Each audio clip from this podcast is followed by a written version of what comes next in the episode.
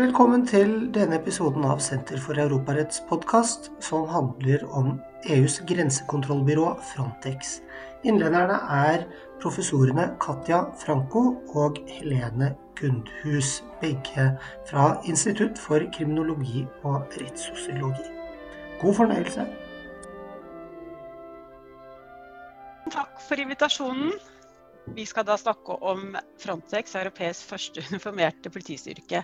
Og vi vil da starte med å snakke om Frontex sin utvikling, og så vil da følge opp diskusjoner rundt nettopp organisasjonens politikultur, og hvordan den særlig balanserer forholdet mellom kriminalitetsbekjempelse, menneskerettigheter og redning av liv.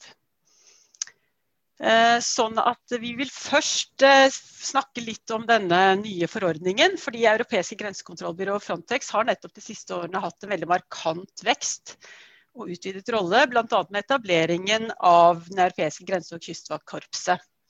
Og de beskriver seg selv som europeisk første uniformerte politistyrke.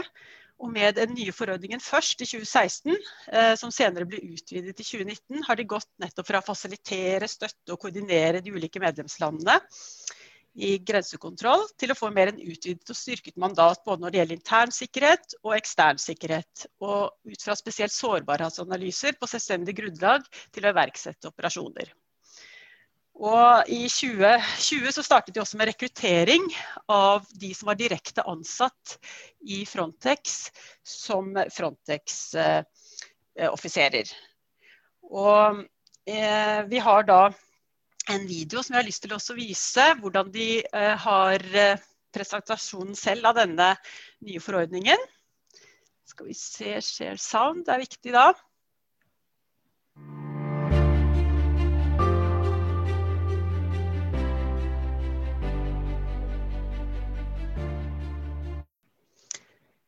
Som dere ser her, uh, så er jo da eh, tre ulike typer uniformer som de bærer. Det er noen som er direkte ansatt, som har disse eh, Frontex-uniformene. Og så er det noen som eh, helt siden 2013 eh, så var det mulig å være sekundert til Frontex og jobbe i to år for Frontex. Men de fleste som har vært deltakere i Frontex-operasjoner, har jo nettopp vært nasjonale politi som har vært gjesteoffiserer i Frontex. Men det som skjedde spesielt med den siste amendmentet Jeg skal ta oss og dele nå ehm, eh, powerpointen vår. Kan vi se. Det var jo at eh, de fikk utvidet eh, til å Skal vi se tilbake. Til også ha eh, standing corps i 2019, eh, hvor de da eh, har som mål å faktisk ansette 10 000 i Standing Corps i 2027. Nå har de ansatt 700. De fikk 7000 søkere til de, eh, den, når de skulle rekruttere til den Standing Corps, da, som er direkte ansatt av Frontex. Og slik som vi har forska på dette nå i en del år, vi begynte vel i 2012, det var ikke alltid slik for Frontex at de kan snakke om et vi Eh, forordning med det opprinnelige smalere mandatet, som skulle være mer å støtte og koordinere medlemslandenes ytre grensekontroll, det ble etablert i 2004. Da fikk de den første forordningen. Og den ble operasjonell i mai i 2005. Og da hadde de 70 ansatte ved Frontex hovedkvarter i Warszawa og 6 millioner euro. Og I 2012 var budsjettet gått opp til 85 millioner euro. Og det mandatet de hadde da i oppstarten var at de i stor grad da skulle støtte medlemslandene med felles regelverk, felles trening, profesjonalisering av det å være grensekontrollør. Og dette med deling av byrder, sånn som burden sharing, og deling av utstyr og felles operasjoner. De hadde eh, ikke eget utstyr, det var noe som de fikk lånt fra medlemslandene. Og så jobbet, det har vært hele tiden tydelig at de skal jobbe med risikoanalyser. Nettopp for å ha det som utgangspunkt for å være i forkant av hendelser. Og da har det vært risikoanalyser i forhold til ekstern eh, grensekontroll i stor grad. Eh, oppgavene i 2012, eh, når vi holdt på å forske på de, eh, det var jo eh, i stor grad å avdekke, forebygge og bekjempe illegal migrasjon og menneskesmugling. Men det var mye mer indirekte en effekt av at de skulle ha forsterket eh, grensekontroll, yttergrensekontroll. Det var på en måte ikke law enforcement eller etterforskning eh, eller kriminalitetsbekjempelse som var en del av oppgavene. I mye større grad gikk det også på felles grenseoperasjoner. Man fikk European Border Rapid Teams i rundt eh, det var 2011 hvor de startet med det, og hatt felles grenseoperasjoner både i kriser og mer permanente på land og luft og sjø. Og jobbet mye med felles sånn trening, eh, training, da, grensevakter, med ulike felles standarder. Også dette med felles etterretningssamarbeid, eh, også utenfor eh, EUs eh, grense, med samarbeid med tredjeland eh, i forhold til å ha eh, sånn grunnlag for å ta beslutninger i forhold til oppståtte hendelser. Også dette med teknisk operativ støtte, og samtidig også dette med internasjonalt samarbeid og koordinering har hele tiden ligget i bunnen av det som har vært eh, Frontex sine oppgaver. Og Internasjonalt samarbeid og koordinering ble tidlig infisert som, som en spenningsfelt da, i å være både støttende og koordinerende, samtidig som man skal være en ansvarlig aktør i ekstraterritoriale operasjoner. Og allerede på 80-tallet så ble jo nettopp sikkerhet og migrasjon veldig sterkt knytta sammen. Noe som jo i enda større grad etter 9-11 i, i, 2001 med terrorisme og migrasjon som ble koblet sammen. Og migrasjonskrisen, som man kaller det, i 2015 ble jo dette enda mer dominerende. F.eks. Europol setter jo opp eh, migrasjon som en av de største sikkerhets- og alvorlige truslene som eh, vi har. Og det å jobbe da nettopp som politi eh, i utlandet disse gjesteoffiserene som vi intervjuet fra norsk sammenheng. Det betyr at du ikke har politimyndighet knyttet til rettshåndhevelse. Eh, det har hele tiden vært en viktig oppgave hos Frontex være involvert nettopp i nettverk med tredjeland. Og på den bidro de også da i stor grad til territorialisering, ekstraterritorialisering av grensen. Og noe som også har vært veldig kontroversielt og vært mye kritisert av både frivillige organisasjoner og menneskerettighetsorganisasjoner. Eh, spesielt eh, når vi startet prosjektet vårt, så var dette mye dominert i media. Og akkurat underveis når vi holdt på med prosjektet, så ble nettopp også Fundamental Rights Agency opprettet av Frontex i 2013 som et sånt svar også på denne kritikken. da. For på den ene siden så er jo Frontex en rolle å ha, være koordinerende og støtte medlemslandene. Det gjør det også lettere at de kan fraskrive seg ansvar ved f.eks. pushbacks og brudd på menneskerettighetene, eh, når de på en måte har bare en sånn koordinerende rolle. Og To viktige eksempler på det var jo nettopp eh, en Eh, at eh, et dokument fra Committee on Migration, Refugees and Displaced Persons, som så på Human Rights Responsibilities i forhold til dette, var at eh, Schengen Border Codes ikke tok hensyn til det faktum at EU, medlemsland og Frontex hadde nettopp ansvar på eget grunnlag som går utover det å overvåke grensene. Men at de også eh, drev med search and rescue og, og, og så ting som gjorde at de også måtte handle. Eh, på bakgrunn av å, at det var brudd på menneskerettighetene når de var og deltok i det.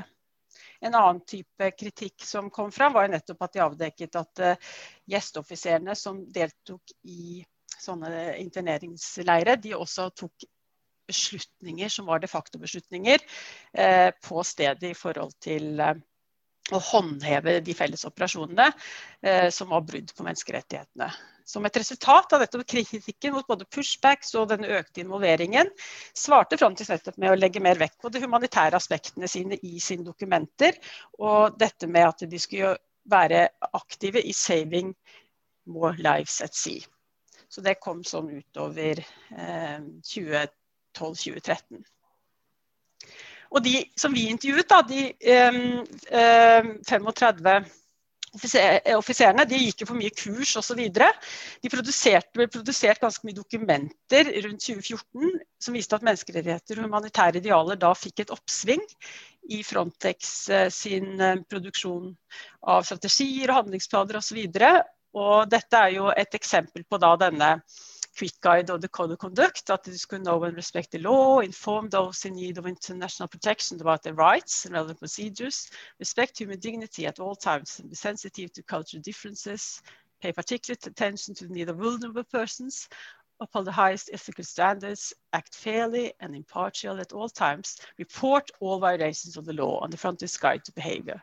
Slik at det var en uh, veldig sånn um, oppmerksomhet knytta til dette med å ha en høyest mulig standard for uh, grensepoliti på både trening og denne menneskerettighetsadvokaten som ble ansatt uh, i 2014. Hun skulle også være med på å planlegge alle operasjonene og også ha myndighet til å kunne avslutte operasjonene hvis de på en måte gikk utover grensene for, for menneskerettighetsbrudd og grunnleggende rettigheter. Da.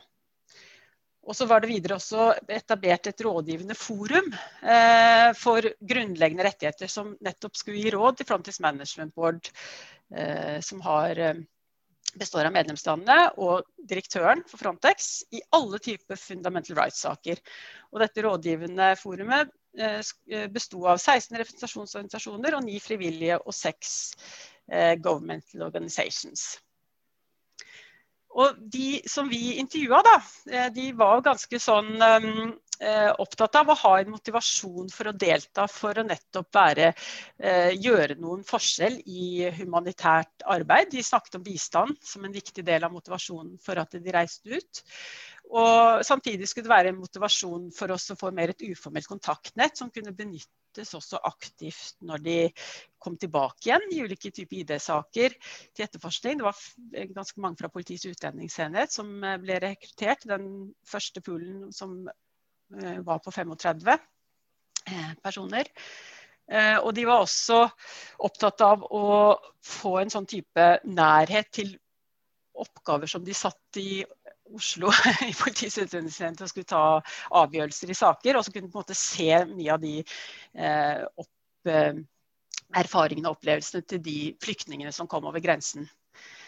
Og det å være på en operasjon, da, det var jo mye å ha intervjuer eh, i forhold til reiseruter, statistisk innsamling, og at du skulle også ha mer utdypende intervjuer i forhold til smugling. Det var også en oppgave de norske ble satt til. Eh, eh, ikke innsamling av persondata, som jo er en utvidelse av mandatet, som de nå har fra 2016. Det var bare statistikk til Frontex, men innsamling av persondata til medlemslandet. Eh, og var mye Eh, opptatt av eh, arbeid knytta til nettopp eh, det å samle inn informasjon for nettopp risikoanalysene.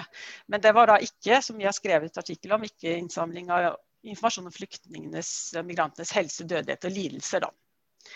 Og de norske protellerte heller ikke Greenland pga. at norsk politi ikke er øh, øh, ikke har bevæpning.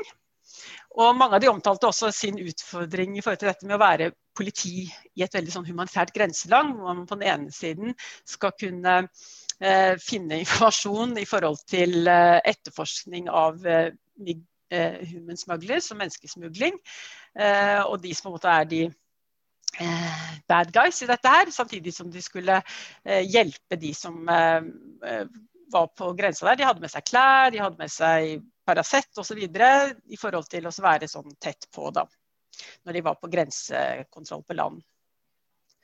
Men så er det også helt vanlige rutinekontroller som er eh, i faste operasjoner i Spania, hvor de tar også kontrollerer biler osv. Eh, som er eh, når det er mange som kommer over bestemte måneder i Spania. Sånn at det er veldig variasjon da også i, i type oppgaver som, som de var, deltok i når de var på disse felles operasjonene. Og det med å få kunnskap om ulike regelverk og det å håndtere ulike etiske standarder var også noe som uh, dukket opp som uh, noe som uh, de syntes var utfordrende, men også interessant i forhold til å delta på de være gjesteoffiser. Og til en viss grad så var det jo da nettopp noe sånn eh, kriminalitetsbekjempelse knytta til det de gjorde, men det var bare for å støtte informasjonsinnsamling for medlemslandene. De jobbet ikke med etterforskning for eksempel, av saker eh, for medlemslandene. Ikke noe med behandling av persondata i mer sånn politisammenheng. Eh, og de omtalte det veldig stor grad som å være politiarbeid i et humanitært grenseland, eh, noe dette sitatet viser Nå, ja, etter at vi, altså det vil jeg påstå, uten å skryte av det, så vil jeg påstå at det er blitt atskillig bedre.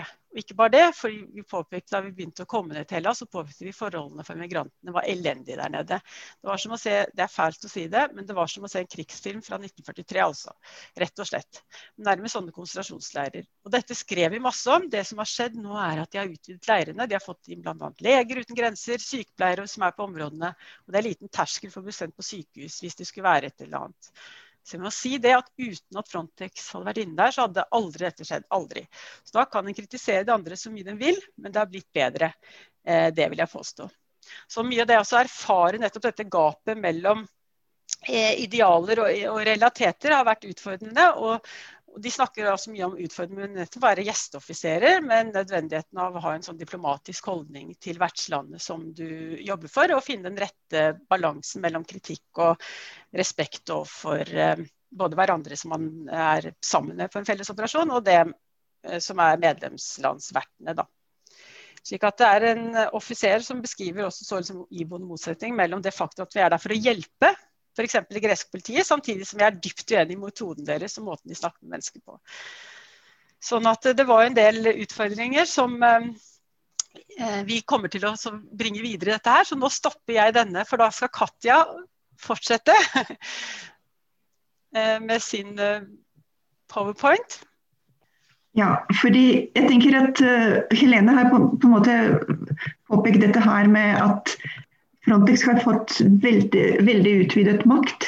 Eh, og eh, utvidet myndighetsområde og også enorm vekst i budsjett og, og, personell. Men jeg tenker noe som er relevant å spørre om her, er nettopp det siste hun kom inn på. Dette her med politikultur og hva slags organisasjon er det egentlig. Så det jeg kommer til å si noe om nå, er både hvordan er det når forskjellige politikulturer møter hverandre hva er det de dataene som vi samlet uh, da i 2013 uh, eh, kan si om det?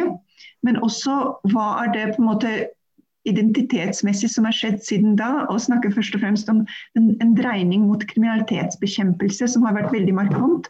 Og som vi mener er ganske viktig for å forstå hvorfor Frontex har faktisk vokst så, vokst så mye. Fordi det, er, eh, det har vært på en måte analysert eh, hvorfor Frontex har på en måte bygget seg så mye opp. Noe har vært knyttet til på en måte deres kompetanse og deres muligheter til å levere risikoanalyse, levere ekspertise som da benyttes av medlemslandene.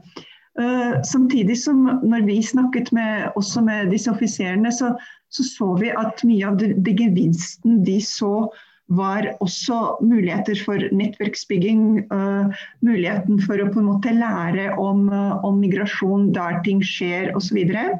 Samtidig som det var også utfordringer innad i organisasjonen.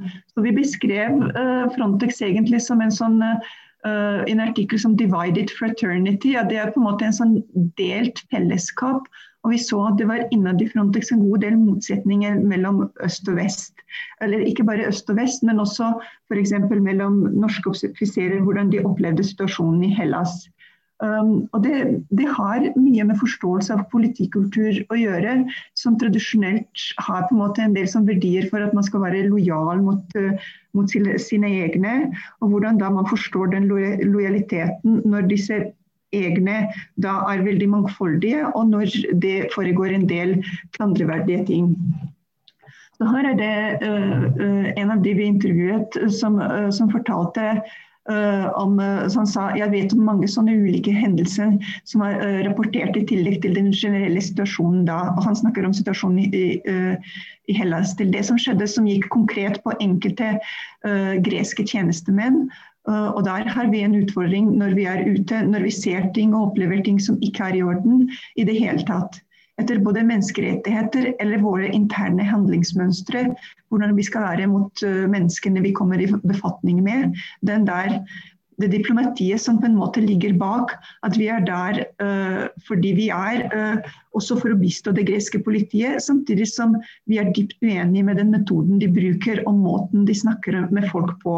Sånne ting som vi setter uh, ganske høyt her hjemme, som på en måte hadde blitt for lengst bak, for det, for det, er ikke kapasitet til å bruke tid på å være høflig. De, de, de blir som dyr, sa han.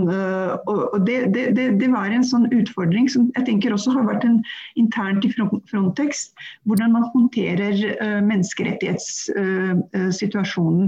Og jeg kommer tilbake til det både på en måte hvordan man reiser kritikk innenfra, som var en utfordring for norske politifolk, men også da hvordan er det Frontex håndterer den kritikken utenfra fra menneskerettighetsorganisasjoner, frivillige osv. Men som sagt så er det en viktig del av Frontex og deres vekst har vært det, det, at de har definert seg selv i stadig større grad som en aktør innenfor kriminalitetsbekjempelse. Og deres uh, nåværende uh, direktør han sa det veldig klart. While Frontex is often perceived only as dealing with migration, we are now increasingly involved in the crucial fight against organized crime, including the scourge of terrorism. Um, og de, de, beskriver det også som i interne dokumenter, uh, rapporter osv. A move towards becoming an essential actor in the law enforcement of the European level. Om, da Helene og jeg gjorde vårt uh, feltarbeid både i Warszawa og snakket med norske politifolk som deltok i Frontex, så var det det at et sånn ønske om å være mer en klare, en klarere politiaktør, noe som ville da også innebære uh, mer aktiv informasjonsdeling også personopplysninger med, uh, med, andre organer. Uh, vi ser at måte, de har fått nå i stadig større grad eh, disse fullmaktene. og mye av det har på en måte vokst i kjølvannet av migrasjonskrisen. Og særlig gjennom det fokuset som har vært på å bekjempe menneskesmugling. Um, og dette her er Frontex ikke det eneste. Frontex har fått betydelig større midler um, for, for, det formålet. Men også andre, uh, andre måte, uh, tiltak, sånn som EU-NAV for sin operasjon Sofia, som var, som var, på en måte initiert nettopp for å be bekjempe menneskesmugling. Har, har, vært viktig, viktig her. og jeg tenker at i det hvordan man ser på en måte hva er det menneskesmugling har gjort for å på en måte legitimere Frontex sin vekst både hvordan Frontex vokser uten på en måte deres tilgang til midler, men også i det hele tatt hva, hva er det, det å bekjempe en sånn det som ses på som en mektig kriminalitets uh, som fiende, uh, kan gjøre. Og, uh, for meg var det, for, var det, ganske inspirerende å lese de analysene som, som, som um, Peter Andreas, som er en amerikansk statsvirker, har gjort sånn historisk analyse av hva bekjempelse av, eh, smugling har gjort for å bygge opp de føderale myndighetene i USA sånn historisk. Um, og jeg tenker at vi, Man kan se noen interessante paralleller også i en EU-kontekst. For Hvis man ser på Frontex historisk, så var det, det, det var, sånn som Helene påpekte, så ble det etablert i kjølvannet av uh, eh, 11.9. Og da var det allerede da lansert en idé om å ha europeiske European Border Guards. Men den ideen var forkastet fordi medlemslandene var altfor på en måte vare på å miste sin suverenitet. Samtidig som dette her plutselig ble mulig, og man kunne nok si uten veldig mye diskusjon uh, etter den migrasjonskrisen uh, i 2015, Uh, og jeg tenker at Her har det skjedd noe, noe ganske interessant.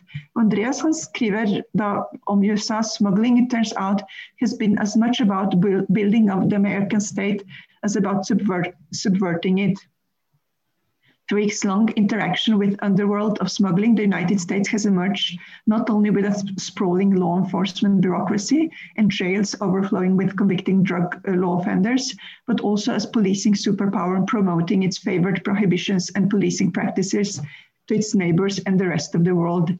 Jeg tenker Man ser noen paralleller i det at Frontex har ikke bare styrket seg i forhold til det at man, vi plutselig har en sånn europeisk grensevaktstyrke som har uh, sine egne uniformer, som har utvidet både budsjett og fullmakter, men også i mye større grad kan handle ut mot verden, mot tredjeland. Særlig uh, når det gjelder i Nord-Afrika har Frontex uh, blitt mye mer aktive. Men også når det gjelder retur, som har vært en viktig prioritert, prioritert område også for Norge og for skandinaviske land. Um, og jeg, jeg, gjorde i fjor en sånn liten studie av Frontex sin kommunikasjon, eller sammenlignet både Frontex og andre aktører som driver med redning av uh, menneskelig liv i Middelhavet. Fordi Frontex hadde en periode hvor de var, som Helene nevnte, på en måte overtok særlig etter Italias Mare Nostrum-operasjonen, som kom inn som hovedaktør i, i, search and rescue, i disse redningsoperasjoner. Samtidig som vi ser at dette her har blitt i, i mye mindre grad nå. At de har blitt på en måte hatt fokusert på andre ting.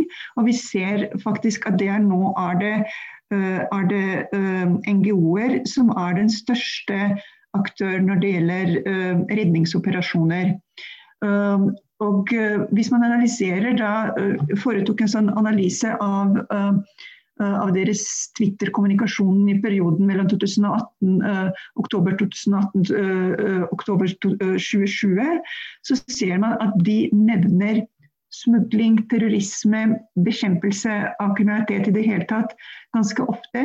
Men de, de nevner ordet redde, rescue, save veldig, veldig sjeldent. Um, så fokuset er veldig også i deres visuelle kommunikasjon er veldig mye på å bekjempe kriminalitet. Um, så her er det en tweet, uh, twittermelding som sier uh, 'Criminals don't rest on weekends, neither do we'. Og her ser vi på en måte en sånn gevinsten av å være Frontex presentert utad til verden gjennom deres kommunikasjon, er først og fremst det å bekjempe uh, kriminalitet. Uh, og den, det, det, her EU Protects er på en måte ideen om at Frontex beskytter EU veldig mye fra, fra forskjellige kriminalitetsfarer. Og veldig mye av den, det de formidler, og også som kom frem i den videoen uh, som Helene viste, er, um, er litt sånn militæraktig styrke i båter, helikoptre, utstyr osv. Det som er interessant, er at de kommuniserer veldig lite om migrantenes dødelighet. Også den studien Helene og jeg gjorde, var det slik at Frontex har bygget enormt opp deres analysekapasitet. Samtidig som de, og de teller alt mulig fra hvor mange stjålne pass, uh, falske pass de finner, stjålne biler, um, uh, ulovlige grensepasseringer osv. Men de teller ikke uh, migrantenes dødelighet. De har utvidet EU-ressurssystemet, som er deres overvåkingssystem, betraktelig. Men på tross av det så på en måte teller de ikke migrantenes dødelighet. Og, det, det, og migrantenes dødelighet, som er Dette er uh, den, uh, Middelhavet er den dødeligste grensen i verden uh, på langt. Uh, um, likevel så er det på en måte Frontex snakker veldig lite om det. Um, så, så ord som, som f.eks. dead, deadly, ble bare brukt to ganger i denne her toårsperioden. Det er heller ikke brukt veldig mye i Frontex sine risikoanalyser, interne rapporter osv. Så, videre. så Så det var litt sånn veldig påfallende at uh, når det var i fjor, særlig uh, uh, den store diskusjonen om situasjonen i Moira-leiren på Lesbos, så, så, så, nevnte Frontex det bare én gang. Uh, så, og Det er egentlig en sånn, litt sånn motsetning hvis, vi, hvis, man tenker på det sitatet som, som den uh, norske tjenestemannen snakket om, sant, at Frontex kom til Hellas og det ble bedre i disse uh, interneringsleirene i Hellas, men samtidig så er det gått tilbake igjen og blitt veldig, veldig, veldig alvorlig. Og det er noe med at Frontex på en måte berører ikke dette her og snakker ikke først og fremst om beskyttelse av migranter. Um, de snakker, Når de bruker ordet EU Protect, så er det først og fremst europeiske innbyggere.